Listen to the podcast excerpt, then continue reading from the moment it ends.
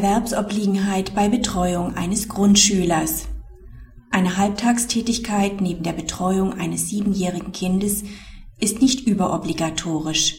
Wird das Kind darüber hinaus teilweise von den Eltern der Unterhaltsberechtigten betreut, um zum Beispiel in den Abendstunden oder am Wochenende zusätzlich zu arbeiten, so erhöht dies nicht zwingend den Umfang der Erwerbsobliegenheit. Das in diesen Zeiten erzielte Einkommen kann überobligatorisch sein. Der Ehemann ist Lehrer und 1965 geboren. Die Ehefrau ist 1977 geboren und gelernte Buchhändlerin.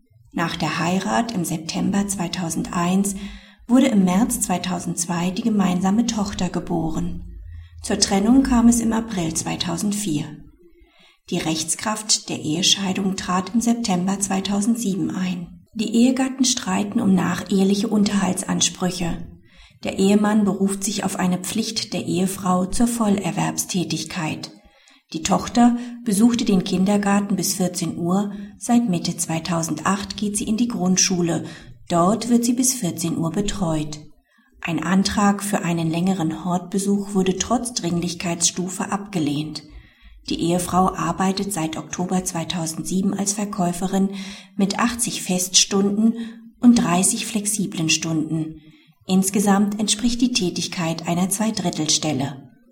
Sofern die Ehefrau in den Abendstunden und am Wochenende arbeitet, wird die Tochter von den Großeltern mütterlicherseits betreut.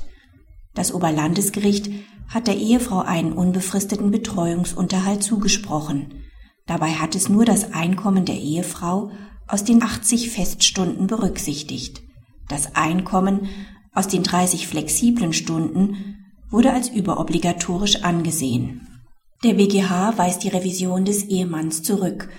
Auf die Anschlussrevision der Ehefrau erhöhen sich die Unterhaltsbeträge geringfügig.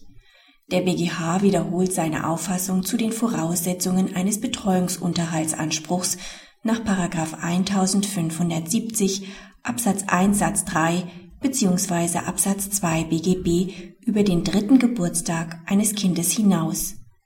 Der Anspruch basiert auf Billigkeitsgründen, wobei Kind und elternbezogene Gründe abzuwägen sind.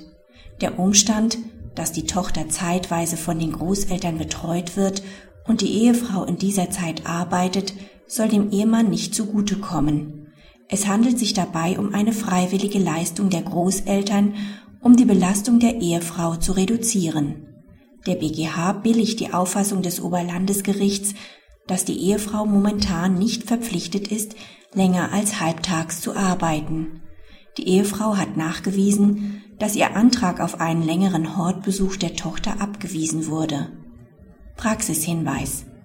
Eine Begrenzung des Unterhalts, welcher der Höhe nach beim Betreuungsunterhalt nach 1570 Absatz 1 Satz 3 bzw. Absatz 2 BGB möglich ist, scheidet aus. Der ehebedingte Nachteil der Ehefrau liegt darin, dass sie keiner vollschichtigen Arbeit nachgehen kann